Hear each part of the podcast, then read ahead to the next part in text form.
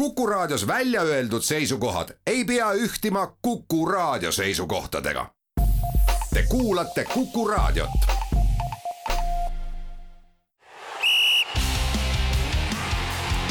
vutikohus. vutikohtul aitab pinget kruvida Pahv tere tulemast kuulama Kuku raadio jalgpallisaadet Vutikohus, mis on eetris igal neljapäeval ning mida juhivad Ott Järvela jalgpalliportaalis sokkernet.ee ja Andres Vaher meie saadet saab tavapäraselt järelkuulata Kuku raadio äpis ja podcastide keskkonnas, samuti iTunesis, Spotify's ja Postimehe spordiveebis. vutikohus võtab igal nädalal jutuks aktuaalsed jalgpalliteemad ja tähtsamad jalgpallikohtumised.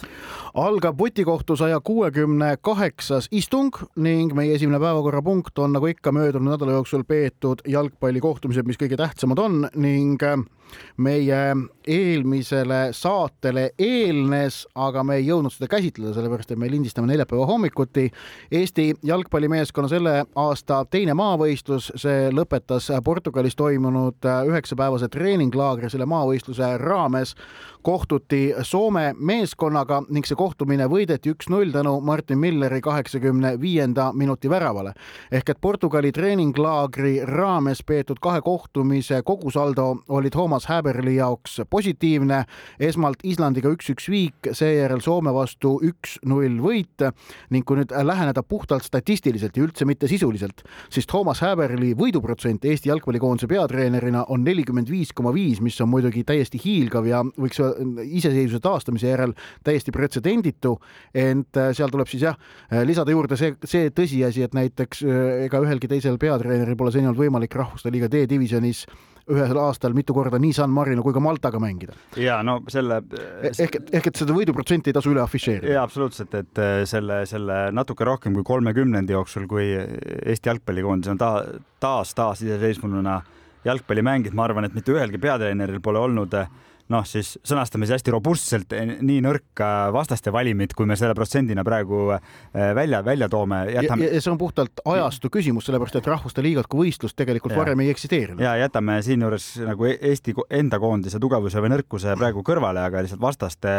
tase on olnud selline, mis on mis on sellise protsendi saavutamise võimaldanud ja mis üldse puudutab nende mängude tulemuse, tulemuste hindamist, siis äh, noh, jääksime siin nagu enda välja öeldu juurde, nagu, nagu me ütlesime ka enne seda, enne seda laagrit hinnates, et tulemused ei ole selle laagri puhul kõige tähtsamad ja nüüd, kui läks tulemuste mõttes kahtlemata edukalt, siis ma jään selle arvamuse juurde. eriti selle Soome mängu kontekstis, sellepärast et et noh, Eesti koondis selles mängus oli ikkagi oma põhikoosseisule mitu korda lähemal kui, kui Soome koondis ja noh, selliseid asju lihtsalt, et enda objektiivset taset või mängijate suutlikkust hinnata on äh, aus, aus vaadata, mitte et nendega kuidagi äh, kas selle mängu tulemust või, või mängijate sooritust äh, maha teha, üldse mitte, aga lihtsalt, et enda objektiivset seisu hinnata, siis on, siis on, siis on aus olla objektiivne. ja ma lihtsalt nii palju võimalik, et eh, olles nõus, et tulemused ei ole suures plaanis tähtsad, siis küll aga minu meelest need, need tulemused kinnitasid seda, et Häberli võime peatreenerina tulemusi vormistada on äh, suures plaanis hea, et minu meelest on ta seda senise ametiaja jooksul ka näidanud. välja arvatud üks mäng. Küprosega, just, just.. Äh, mis, mis läks see aia... see kõige tähtsam mäng no ja mis läks aia taha, aga, aga selle järel kasvõi näiteks tasavägised mängud äh, on Eesti suutnud päris sageli Häberli juhendamisel enda kasuks keerata. ja, ja ka päris mitu sundolukorda enda kasuks keerata, nii et see, see, seda nagu need mängud näitasid, kuigi jah, see ei olnud üldse selle laagri tähtmine tä,, kõige tähtsam osa. mis sealt võime öelda siis näppude vahele jäi?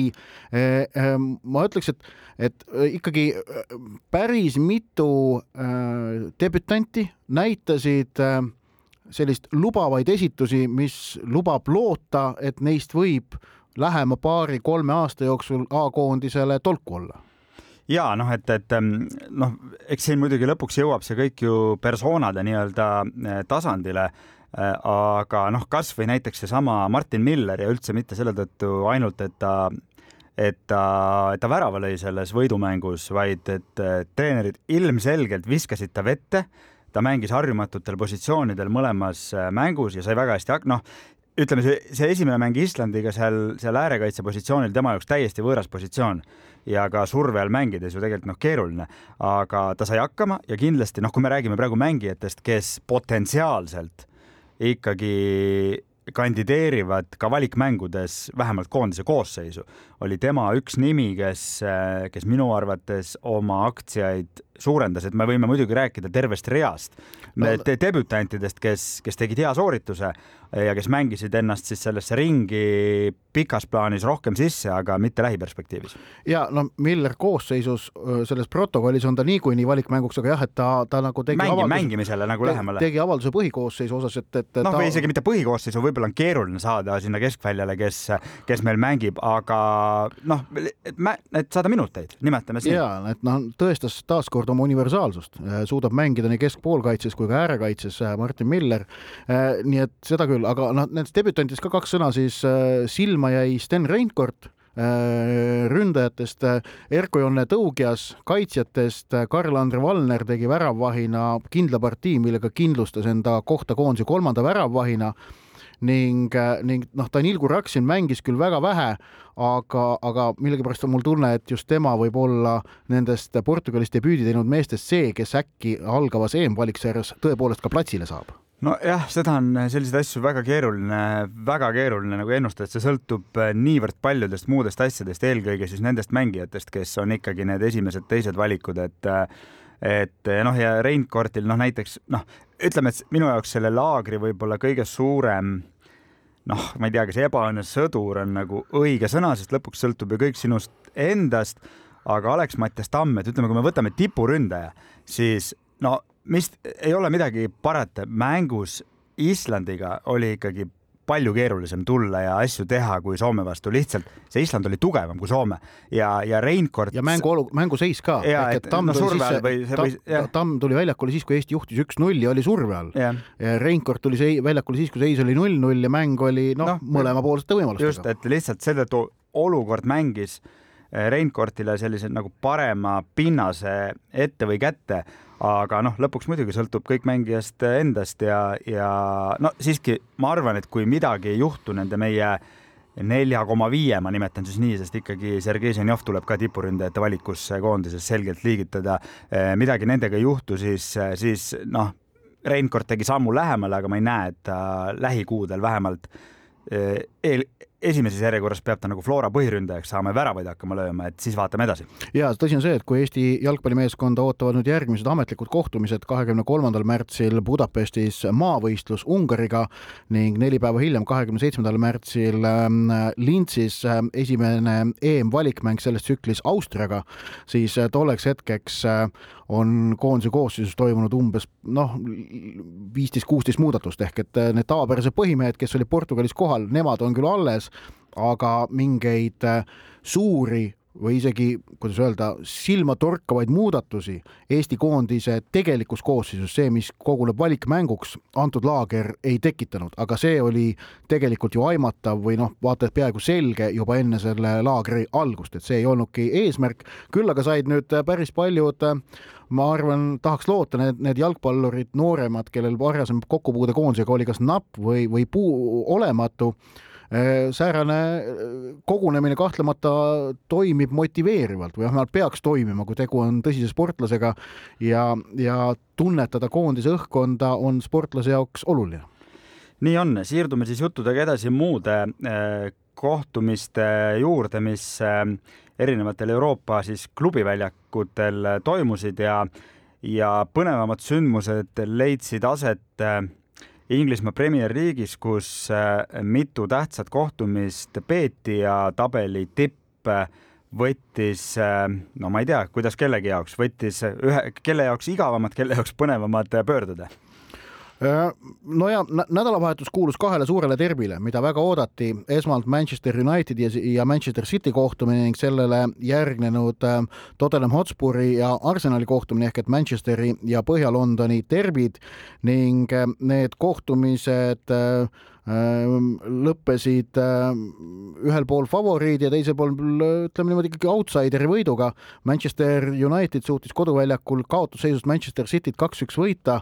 no sellest Marcus Rashfordi värava õigsusest või selle suluseisu reegli olukorrast võib, võime Era, teha era, eraldi saate võiks teha, aga no mitu saadet vaata, et jah ja., aga ma kuskil võtsin selle kokku niimoodi, et, et ilmselt reeglite järgi oli kõik õige, aga ma ei ole nõus, et see reegel on õiglane. nojah, mina jõuan siin oma, kes on meie püsikuulajad, teavad seda minu mantrat ja siin ma püstitan selle ka väga lihtsalt ühe lausega, et jalgpalli, jalgpallireeglid on vajalikud ja ka jalgpallireeglid peavad olema sellised, mis muudavad mängu kõikide osapoolte jaoks eh, arusaadavamaks ja lihtsamaks ja antud olukord oli taas üks nendest paljudest, mis oli arusaamatu kõigi jaoks ja seetõttu ka halb vot, äh, aga Unitedi jaoks see võit oli äh, väga oluline, emotsionaalselt oluline, aga ka äh, vähemalt ütleme hetkeks tõstis nad vaata et tiitlivõitlusesse äh,. tõsi, nad pidid selle jaoks eeldama, et Arsenal või lootma, et Arsenal järgmine päev punkte kaotab, mida ei juhtunud ja nüüd eile õhtul kaotas Manchester United ise punkte, kui äh, võõrsil Crystal Palace'i vastu tehti üks-üks viik tänu sellele, et Londoni klubi üheksakümnendal minutil karistuslöögist äh, üks-üks värava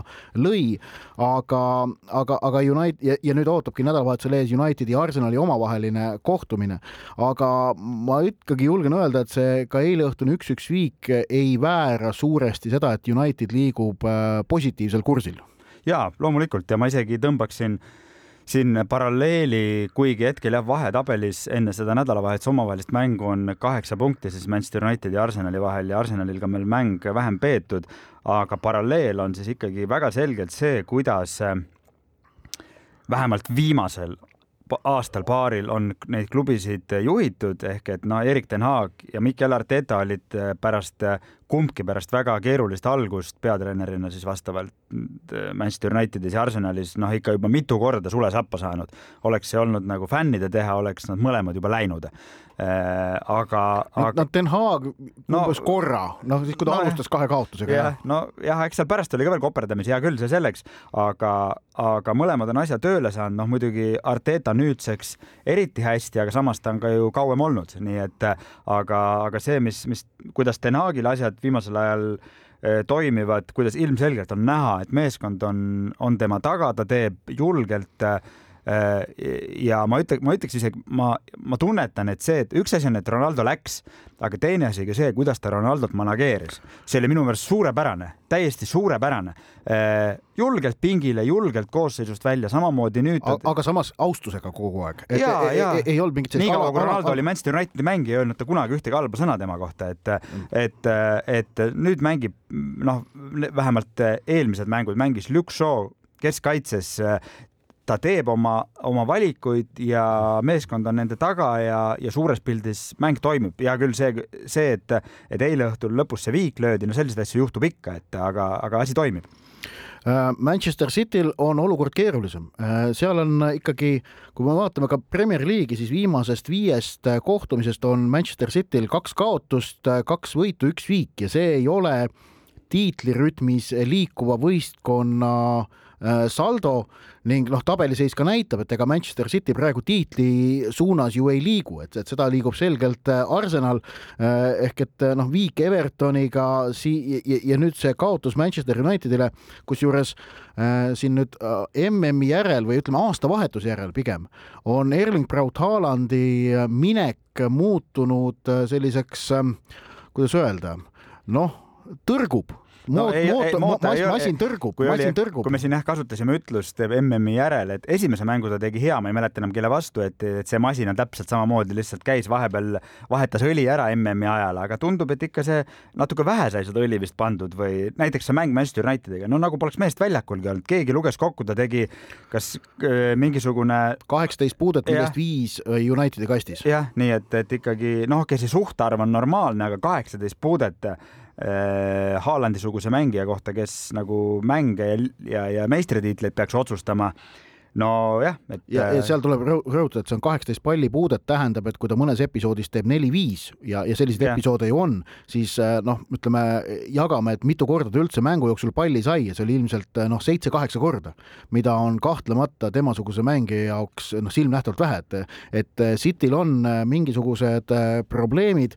no ja need on ka väga selgelt Tottenhamil, kes Arsenalile kaotas esimene poolaeg, noh, see Hugo Lloris käkk, millest Arsenal juhtima asus, see on muidugi olukord, kus ma nagu noh, minu arust no, tuleb Antonio Contele kaasa tunda, et noh, peatreeneril ei ole võimalik. ei see... ole kontrolli selle üle. no, no mitte mingit kontrolli ei ole, et sul maailmameistrist väravaht sellise käki teeb niivõrd tähtsas suure tähelepanu peetavas mängus. küll aga on kontroll peatreeneril vägagi selle üle, kuidas nagu Tottenham üldse, eriti neid suuri mänge nagu mängib ja eriti neid avapoolaegasid, no see on nagu väga-väga passiivne, et, et noh, ma ei taha kuidagi Itaalia seeria A-d nagu alaväärtustada, aga võib-olla Itaalias saab, nii Inglismaal ei saa tippmängudes no ei saa, et, et ja Arsenal ka mõlemal korral.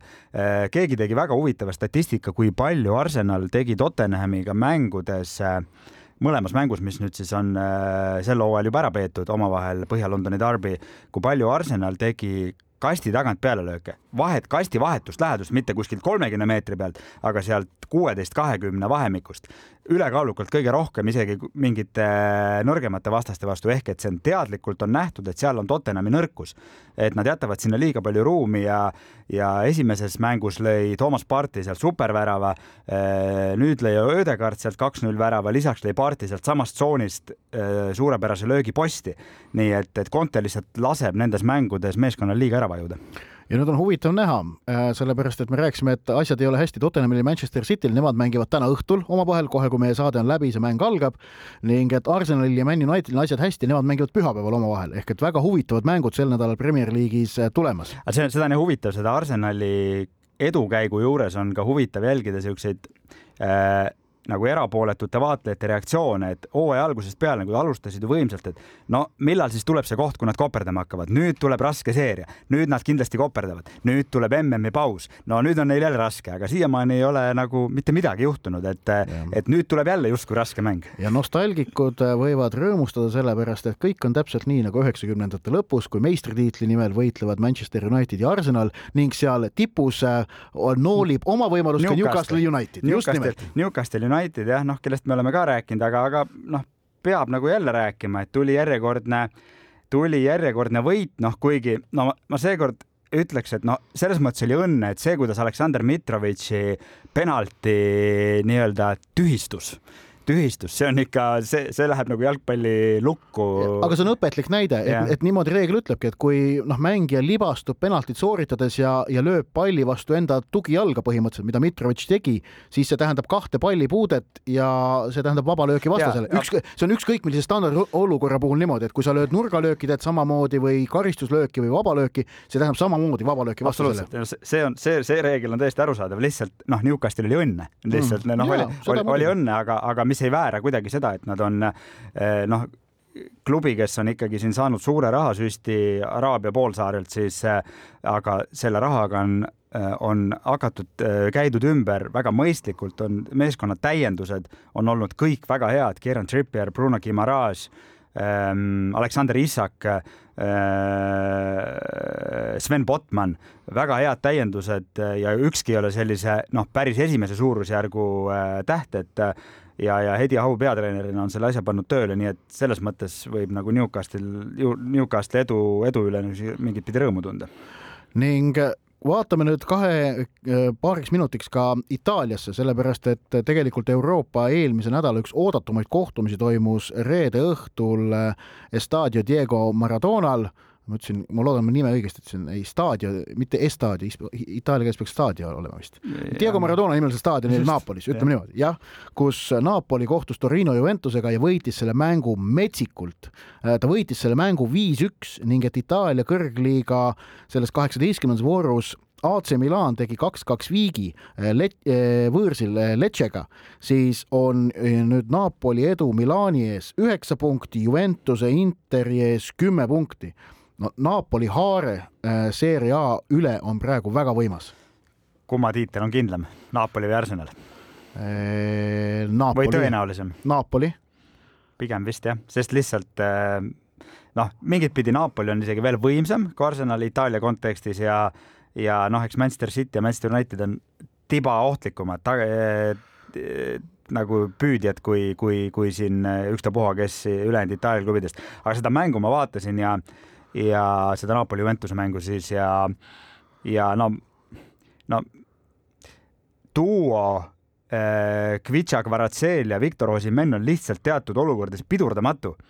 Noh, me räägime ikkagi Juventusest, noh, ikkagi suur klubi ja, ja Juventus, kes oli mänginud enne väga seda hästi, väga kenasti. järjest võitnud kaheksa või üheksa mängu. just, et no Massimiliano Allegri oli selle asja tööle saanud pärast meistrite liiga ja jama sa,. samamoodi väga, noh, see oli nagu tegelikult põhimõtteliselt koopia sellest, kuidas Napoli meistrite liiga esimeses äh, ringis äh, Liverpooli pilbastas, see oli noh, väga sarnane mm., väga sarnane, et kuigi noh, Liverpool mängis seal veel kõrgemalt ja veel nagu julgemalt, aga, aga põhimõtteliselt sama, et lihtsalt kui sellele duole sa annad ruumi vähegi ruumi, siis nad lihtsalt, see on kindlasti praegu Euroopa jalgpalli kõige nii-öelda tapvam tuua ja see tähendab, et no meistrite liiga kaheksandikfinaalis Frankfurdi Eintrachtiga, no seal on Napoli väga selge soosik, neil läks seal ju loosiga tegelikult, oleme ausad, isegi väga hästi.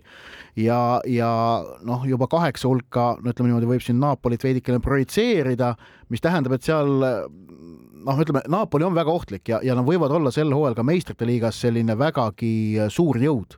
nii et kevad tõotab tulla Napoli kandis väga põnev, väga jalgpalli kaunis. Itaalia ja Hispaania superkarikad mängiti ka ära möödunud nädala jooksul, võitsid Barca ja võitis Milano Inter. ja Milano Inter võitis AC Milani, noh, mõlemad siis mängud peeti, peeti siis äh, Saudi-Araabias Saudi jah Äh, seal Ronaldo, Ronaldo, Ronaldo lähed, lähedal ja mõlemad mängud olid tegelikult suhteliselt ühepoolsed, eriti ühepoolne oli siis see Itaalia superkarikas, mille siis äh, Inter tõesti kolm-null võitis, seal ei olnud üldse mingit mängu.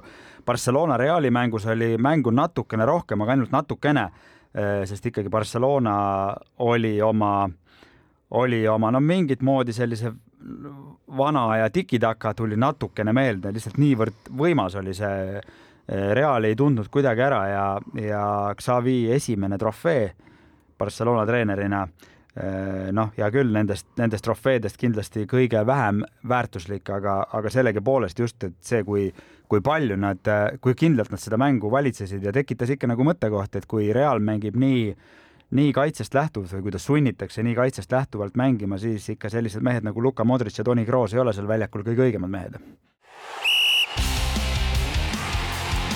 vutikohus. vutikohtul aitab pinget kruvida Pahv vutikohtu saja kuuekümne kaheksas istung jätkub ning meie saate tänane keskmine osa äh, on pühendatud või, või kuulub Eesti jalgpallurite selle talve üleminekutele. Äh, nendele, mida oleme praeguseks äh, juba näinud ning neid tegelikult on kogunenud üpris omajagu ja siinkohal me siis ei võta luubi alla neid üleminekuid, mis on tehtud Eesti-siseselt, vaid need, mis puudutavad mõnda või, või mitut äh, välisklubi. Ning alustame ikkagi, ma julgen öelda, kõige prominentsemast üleminekust, sellepärast et Karol Mets vahetas Šveitsi meisterklubi FC Zürichi särgi, tõsi, see Šveitsi meisterklubi on Šveitsi kõrgliigas viimasel kohal hetkel. Äh, Saksamaa esiliiga väga tuntud jalgpalliklubi St Pauli oma vastu.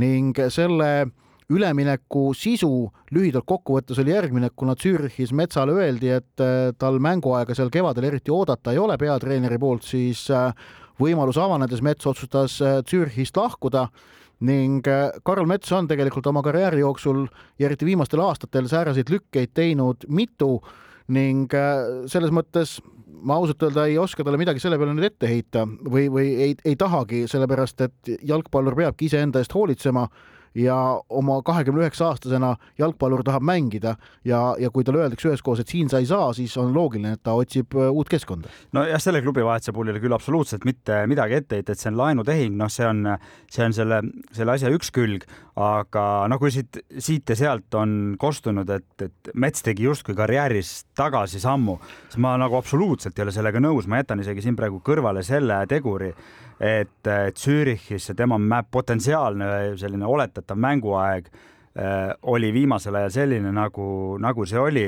Äh, vaid, vaid noh, olukord on ikkagi reaalselt see, et see, et Zürich on praegu valitsev Šveitsi meister, see ei tähenda täna enam mitte midagi, vaid tähendab see, et Zürich on hetkel Šveitsi meistriliiga viimane meeskond ja kui me kasutame sellist, noh, need, need võrdlused on alati sellised väga subjektiivsed, aga Saksamaa teine Bundesliga ei ole Šveitsi liigast nõrgem liiga mitte kuidagipidi. kui me räägiksime Šveitsi meistrist, kui me räägiksime sellega kaasnevast eurosarjast, siis on see teine asi, aga kui me räägime Šveitsi liigast üldiselt, eriti veel selle potentsiaalsest väljalangejast kes Zürich Jah. praegu on, siis see, see üleminek, see ei ole tagasiminek, mitte Ja, mingil juhul. et see on, see on, kui tahta võtta Šveitsi kõrgliiga kümme klubi ja paigutada nad õiglastele kohtadele Saksamaa esimeses ja teises Bundesliigas, sest Šveitsi tipud kindlasti kuuluksid, ma arvan, Saksamaa esimesse Bundesligasse. isegi keeruline öelda, nii ja naa. no, no ma arvan, paar Noh, Berni Young Boys võib-olla seal taga. paar-kolm sinna äkki, et, et, et see on väga keeruline ülesanne. sellepärast, et eh, just nimelt, et need, need, need Saksamaa mõlemad liigad on ähm, kuidas öelda, oluliselt tihedamad kui Šveitsi oma, aga samas ega Šveitsi oma ka ju ei ole kuidagi ebaühtlane. väga ühtlane liiga, mida ka peegeldab Zürichi positsioon viimasel ajal. et, et, et see see oleks väga keeruline ülesanne, aga ma just olen sinuga täiesti nõus, et see ei ole kuidagi nagu samm tagasi, vaid see on huvitav samm ja ja noh, Karol Mets võtab oma saatuse enda kätte, tema on seda tüüpi jalgpallur, kes tegelikult ka, kui vaatab, et kuskil äh, pannakse uks täis kinni, siis ta üt- ütleb nägemist ja läheb, võtab uue ukse, teeb selle lahti, astub sealt sisse ja hakkab seal võitlema. ja, ja, ja noh, veel nagu tema tegelikult staatusest ähm, noh, nimetame siis Euroopa klubi jalgpalli turul näitab see ka väga palju, et see on täpselt kuidas, kuidas pidi keegi nagu tahab seda võtta, et mõni võtab seda nagu tihedaid klubivahetusi kuidagi negatiivselt, aga, aga see, millistes klubides on ta viimastel aastatel mänginud, no tooge mulle üks teine Eesti jalgpallur peale Ragnar Klavani, kes on tänaseks tippjalgpalli lõpetanud. tooge üks, noh, Joonas Tamm on võrreldav, aga ikkagi tegelikult klubide mõttes on Karol Metsa karjäär no ilmselgelt kõige edukam äh, viimasel ajal just.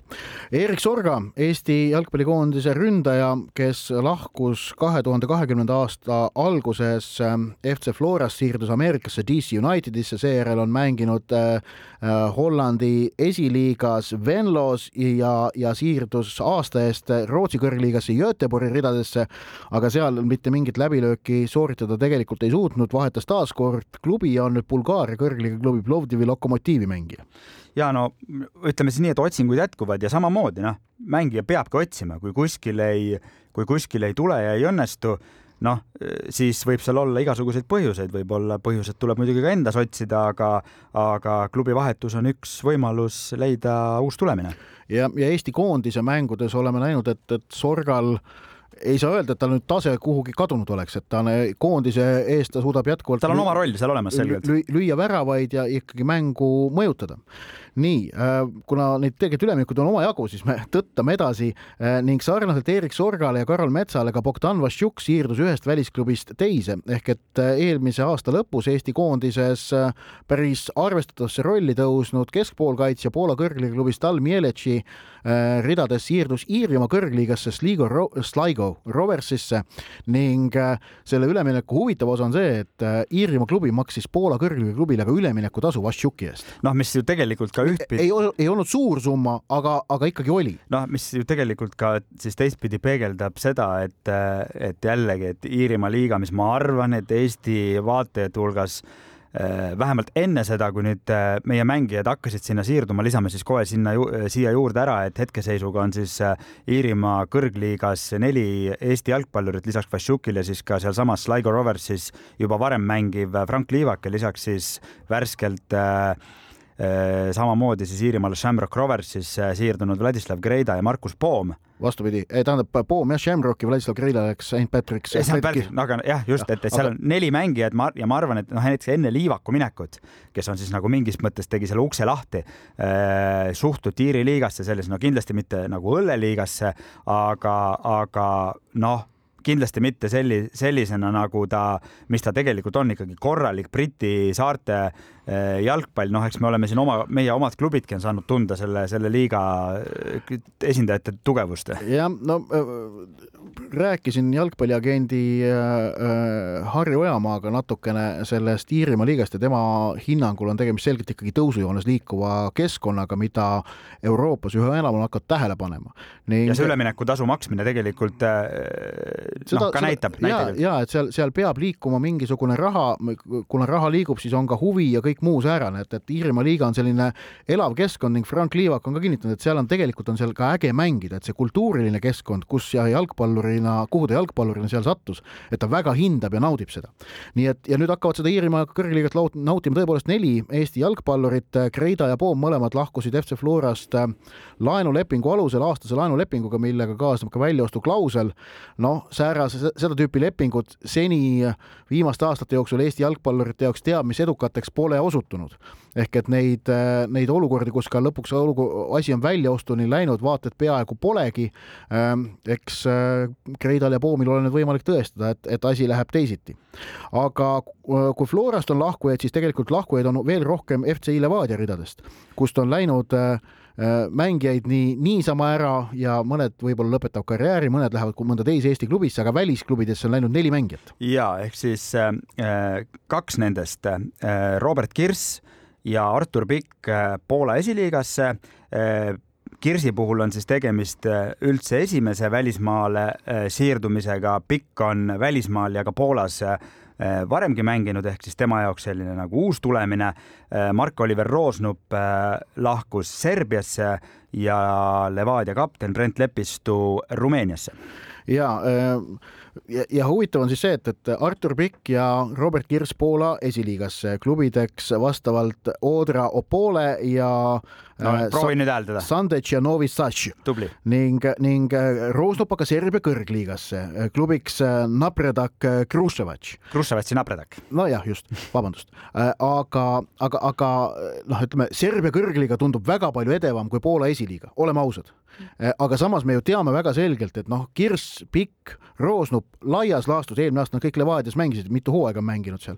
Nad, nad on tegelikult enam-vähem samal tasemel mängijad, mis näitab seda, et, et ka siin see liigade suhestumine ei ole üldse niivõrd lihtne, vaid, vaid tegelikult see Serbia kõrgliiga keskmik või, või tagumisotsa klubi ja, ja Poola esiliiga klubid võivad olla noh, üpris sarnase tasemega võistkonnad. ja no ma siin minu personaalne arvamus meil nagu Eestis tegelikult nendesse välisliigadesse, no ma natuke puudutasin Saksa, Saksa teine Bundesliga muidugi noh, teine, teine maailm sellega võrreldes, aga üleüldse neid, neid liigasid, mis on, mis on numbriga siis tugevuselt teine, noh, meil nagu selgelt äh, alahinnatakse, no täiesti selgelt, millega ma nüüd ei taha öelda, et Poola esiliiga on nüüd, on nüüd noh, mingi nagu, nagu superliiga, ei, aga, aga noh, ta on kindlasti tugevam kui Eesti liiga palju, palju, palju tugevam, et, et mitte midagi ei ole võrrelda isegi, et, et noh, see tegelikult seab konteksti selle eriti kui arvestada, et mängijad ju liiguvad Eesti liigast sinna, et, et neid, neid käike ei saa alahinnata. ja kolm aastat FC Levadias mänginud ning meeskonna kaptenina kaks tuhat kakskümmend üks ka Eesti meistriks tulnud Brent Lepistu läheb, sõlmis lepingu Rumeenia kõrgliiga klubiga Mioveni, see on Lepistu karjääri kolmas välisklubi oleme ausad, eelmises kahes ei Kristjansundis ega FC, FC Lahtis tal läbilöök ei õnnestunud ähm,. väga äh, äge minu meelest, et Lepistu võttis selle käigu ette ja läheb, proovib nüüd Rumeenias. ei ole lihtne keskkond, aga Lepistu on muidugi seda tüüpi mängija, kes minust selliseid raskeid olukordi naudib. no tegelikult selline noh, ei saa öelda nagu riskivaba käik, aga igati loogiline käik, pooleaastane leping. klubi on praegu väga kehvalt mänginud, tabelis ikka päris selgelt viimane hetkel ehk et pooleaastane leping leping, sa sead ennast sellisesse olukorda, kus kus sa pead hakkama saama siis nii sellega, et sa, et sa saad seal piisavalt mänguaega ja et sul on üldse mõtet sinna jääda, et klubi püsiks kõrgliigas, et, et selline väga huvitav väljakutse ja noh, ikkagi võrreldes siis nende eelmiste välisklubidega, et tänaseks on Lepistu ikkagi noh, nii inimese kui jalgpallurina palju vanem ja küpsem ja kogenum, et see on selles mõttes noh, neid tegureid arvestades teistmoodi minek. no tema puhul alati on veel ka see küsimus üleval, et kas, kas see võib nüüd avada talle ukse Eesti koondisesse? No see on nii eraldi teema, et no muidugi võib, miks ei või siis, kui, kui sa mängid Rumeenia liigas, teed säravaid mänge, miks ei või, loomulikult võib võib, aga, aga see ei, ma arvan, et Lepistu koondis noh, et ühesõnaga, et kuna siin viimastel aastatel on Lepistu ja koondise vahel olnud väga selged ikkagi tulipunktid ja mitte öelda tülid, siis äh, see ei ole ka niivõrd lihtne, et ainult headest mängudest piisab. jaa, aga noh, loomulikult, aga noh, küsimus oli, kas, kas võib? noh, kui sa ja. Rumeenia liigas mängid pidevalt ja hästi, siis, äh, siis no ei saa, ei saa, treenerid ei saa sinust nüüd täielikult mööda vaadata. nad, nad, nad, nad, nad ei tohi seda teha, nad ei taha ka tegelikult Just. seda teha, aga seal on ilmselt vaja muid asju ka sirgeks rääkida. nii, ja üks äh, huvitav üleminek on veel. Äh, keskkaitsja Andres Vaher, äh, siin kaassaatejuhi poeg, siirdus Saksamaa kolmanda liiga võistkonna, milleks on siis Freiburgi duubelmeeskond ridadesse ja et see on siis tõesti SC Freiburgi duubel, SC Freiburg siis ise on Saksamaa esimeses Bundesligas hetkel. Enne äh, homme jätkuvat Bundesliga hooaega Müncheni Bayerni järel teisel kohal, aga see selleks, et olulisem on see, noh, toon lihtsalt ühe numbri, et, et miks see üleminek äh, miks Andres otsustas selle teha, et Freiburg on klubi, kes äh, väga jätkusuutlikult äh, kasvatab oma mängijaid, annab neile võimalusi, hetkel siis ilmselgelt Bundesliga klubidest äh, teinud seda kõige rohkem ka sel hooajal ja ka varem. nii et see keskkond, kuhu minna, on, ma arvan, selles vanuses noh, ideaalne ning äh, võime siis öelda ka selle, ütleme, see talvine üleminekuaken ei ole veel lõppenud, siin on võimalik, et juhtub veel asju, ilmselt Eesti jalgpallurite välismaale, kas liikumine või välismaal liikumisi tuleb veel ette, Rauno Sappinen on, on Poolas praegu olukorras, kus äh, Stal Mielec, Vassiuki endine klubi, tegelikult Sappineni vastu, kes kuulub Klivitše Piasti ridadesse, huvi tunneb, kas sealt midagi juhtub või mitte, on ebaselge, aga see talvine üleminekuaken seni on suurendanud Eesti seotust Saksamaa jalgpalliga, Karol Mets teise puunde Bundesligasse, Andreas Vaher kolmandasse liigasse. ja, ja tegelikult no sinna turule ei ole üldse kerge pääseda, et, et noh, viimasel ajal oleme näinud, et Itaaliasse on just eriti nooremad jalgpallurid läinud ja sellel on omad põhjused ja mitte, et seal see kuidagi nõrk see tase oleks, noh, kindlasti mitte Eesti jalgpallurite jaoks, aga, aga ma arvan, et sinna Kesk-Euroopasse ja noh, teisi samamoodi siis Poola on olnud juba varem, noh nüüd siis koondislaste puhul äh, Iirimaa, aga sinna, just sinna Kesk-Euroopa turule pääsemine ja seal Eesti mängijatele nime tegemine, ma arvan, on päris oluline. paneme panuseid oleme oma vutikohtu järjekordse istungiga jõudnud kolmanda veerandajani. Äh, protseduur tavapärane ehk et pahv.ee pakutavad jalgpallikoefitsiendid ja näib, et klubimängud taas äh, meil päevakorras siin on. ja, ja nagu mulle kombeks, siis ma ikkagi äh, enamasti Inglismaale kiikan ning alustan siis äh, tabeli, tabeli keskosa duelliga, kus äh, kaks sellist äh, kuulsusrikka ajalooga, ent mitte liiga äh, helge olevikuga jalgpalliklubi vastamisi lähevad, nendeks on Liverpool ja Chelsea tegin sellise mõnusa sissejuhatuse, et, et mul on ka sealt et mõningad inimesed närvi ajada. Äh, ja valisin sealt sellise huvitava, huvitava pakkumise, kuna ma, kuna mõlemal võistkonnal on ikkagi kaitsega probleeme olnud, siis äh, noh, tõenäoliselt mõlemad löövad värava, tundus kõrge, ma vaatasin koefitsienti, see oli selgelt liiga madal sellele, see mulle ei meeldinud.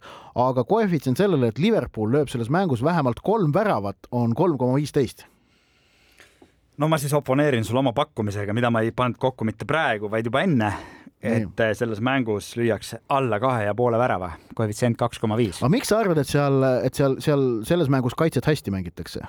kas ma ütlesin, et kaitset ei mängita hästi, ma ütlesin, et rünnakul ei mängita hästi nojah, jah, okei okay,, okei okay,, selge, selge. nii, ma lähen edasi. laupäeva õhtul Inglismaa kõrgliigas Crystal Palace võõrustab Newcastle Unitedit.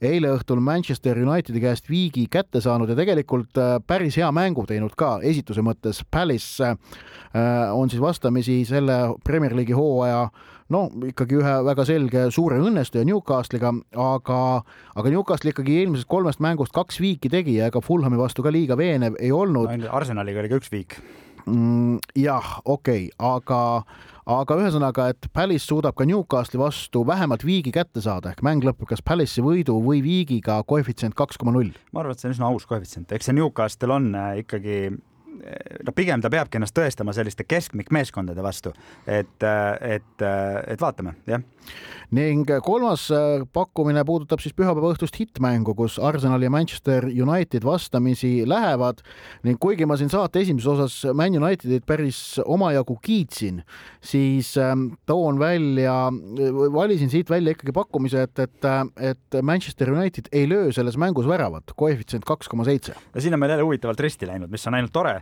Äh, minu pakkumine sellele mängule oli, et mõlemad meeskonnad löövad värava koefitsiendiga üks koma üheksa ahaa, ahaa, nii, ja sul on kolmas pakkumine veel? mul on kolmas ka siis, et äh, markeerimaks ära äh, siis taasstartivad Bundesliga't, kus kohe homme õhtul on ka hittmäng, ma ütleksin.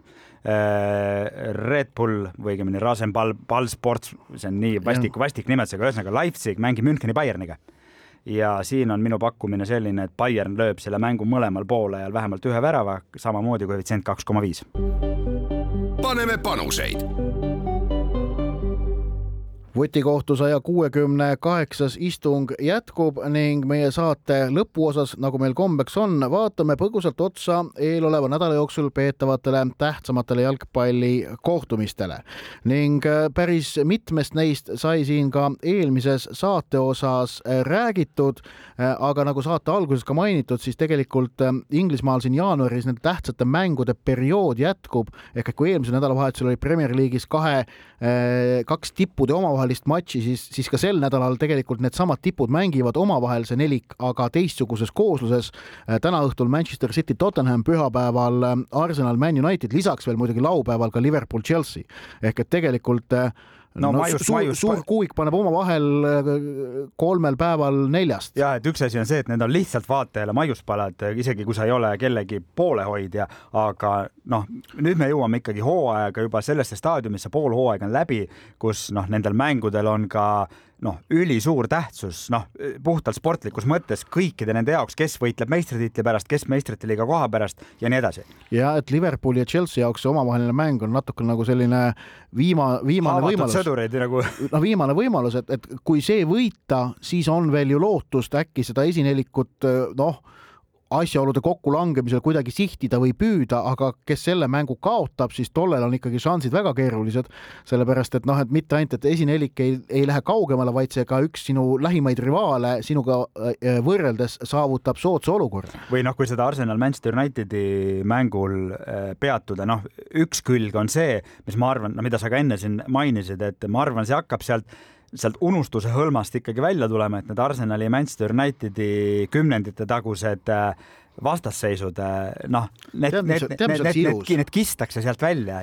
tead, mis oleks väga ilus, kui sellel pühapäevasel mängul tribüünil istuksid kõrvuti Arsene Wenger ja Sir Alex Ferguson. seda ei saa üldse välistada ei, no, kõrvuti nad ei istu tõenäoliselt. mine tea, võivad sattuda aga, isegi. aga et nad on et, et nad mõlemad on seal kohal ja noh. et Ferguson tuleb, see on pigem tõenäoline no,, ta, Wenger, ta käib, no, ta Wenger, käib päris sageli ja Wenger hiljuti käis ka. viimasel ajal ta on käinud isegi vist äkki ühe või kaks mängu, et. ta oli et... üle pika aja esimest korda, vist ja, oligi ja. tagasi Emirates'il, aga, aga mõtle, kui äge oleks see kaader, kuidas need mehed sealt ülevalt äh, kaheksandast või noh, vipploožist vaatavad, et noh noored, mürate ka nagu meie kunagi yeah,. see yeah. oleks selline ilus, ilus nostalgiaõnguline siis, siis on seal, no ütlen, noh, kuidas see Edin Ketiahi üks hiljutine värav meenutas Thierry Henry'd ja, ja siin on tegelikult veel neid noh, kuidas öelda, tekivad mõningad mängijad nendes mõlemas meeskonnas tekitavad seoseid nende Fergusoni ja, või Wengeri aegsete legendidega. nii et, nii et see narratiiv, mille tegelikult toona Arsenal ja Man United püsti panid selle omavahelise madinaga üheksakümnendate lõpus, kahe tuhandendate alguses, see on ikka väga vägev narratiiv. ja siis sa, ja siis sa mõtled selle peale, et kui toome selle nagu nüüd teist, natuke teistsuguse konteksti just selle viimati räägitud Põhja-Londoni darbi ehk et Arsenal Tottenhami puhul, et siis kuskil seal lähedal, noh, ka pärast äh, juubeldades on üks äh, Eesti noormees nimega Karl Jakobein, kes pärast tuli väljakule koos meeskonnakaaslastega fänne tänama, nii et äge väga äge, just nimelt. nii, aga lisaks Inglismaale on mänge ka natukene muudes liigades äh, ning, ning juhime tähelepanu tõesti, et Bundesliga naaseb talvepausilt äh, ning, ning alustab oma kevadringiga ja noh, suures plaanis muidugi olukord on jätkuvalt see, et Müncheni Bayerni meistritiitel tundub väga-väga tõenäoline äh,. Nende edu Freiburgi ees on neli punkti, Leipzigi ees kuus punkti ah,, tõsi, sorry, ei alusta ju sügis, kevadringiga, vaid tegelikult tegelikult on alles mängitud viisteist vooru kolmekümne neljast. veel ei ole, ei olda poolel, poolel, et nii-öelda hinnrunde küll algab, aga, aga noh, mitte siis päris nagu, eh, mitte päris teise poolega. mida ma veel mainiksin ära, siis natukene väiksematest liigadest, aga kus, kus seis on väga põnev, on Hollandi eredivisie, kus Amsterdami ajaks tegelikult lonkab mõlemat jalga. Eh, on läinud sportlikult väga kehvasti, viis mängu järjest ei ole võidetud, tabelis on langetud kolmandaks. lisaks on ka klubi juhtimises, noh, kui Hollandis minnakse omavahel tülli, siis minnakse ikkagi tülli. Ja peatreeneriga ei olda rahul, mängijad ei ole peatreeneriga rahul, klubi juhtkond on omadega, no ühesõnaga väga palju jama on ajaks siis, kes ju alles eelmine hooaeg oli väga särav ja, ja nüüd on siis neil pühapäeval tabeliliidri Rotterdami Feyenoordiga võõrsil mänge. no sellest, kuidas hollandlased tülli oskavad minna, mul on see, mul on see näitlik lugu, kuidas, kuidas Louis van, kuidas Ronald Koeman ehitas endale või noh, ostis endale Portugali maja, merevaatega maja ja siis Louis van Gaal, kes, keda Koeman, keda, kes teineteist Koemaniga absoluutselt ei salli, suht meelega sellega ostis endale krundi Kuumani maja ja mere vahele ning tegi maja, sinna pani püsti sinna maja, mis võttis Kuumanilt merevaate ära. noh, spetsiaalselt. just, spetsiaalselt no,. hollandlased on, noh, eks meiega omat moodi oleme hollandlaste enesekesksust natukene siin jalgpalliskeenel kogenud. ja Itaalias äh, pühapäeva õhtul Juventus Atalanta ning Hispaanias vast Bilbao Athletic ja Madridi Real äh, samamoodi pühapäeva õhtul mängimas ning äh, kes veel esmaspäeval ka tahab Inglismaa kõrgliigat vaadata, siis tegelikult Fulhami ja Tottenhami mäng on, on ju otseste rivaalide kohtumine. ja siis teisipäeval-kolmapäeval peetakse ka veel Inglismaa liigakarika poolfinaalide esimesed duellid, nii et, et lühidalt kokkuvõttes jalgpalli igasse õhtusse. just just nii. Äh, vutikohtu saatejuhid tänavad kuulamast meie saja kuuekümne kaheksandat istungit. saatejuhid olid Ott Järvela jalgpalliportaalist sokkernet.ee ja Andres Vaher. oleme uuesti teie käsutuses ikka järgmisel neljapäeval kell kakskümmend üks ja kes soovib meid järelkuulata, siis saate seda teha Kuku raadio äpis ja podcastide keskkonnas või iTunesis, Spotify's ja Postimehe spordiveebis. Kuulmiseni. vutikohus vutikohtul aitab pinget kruvida Pahv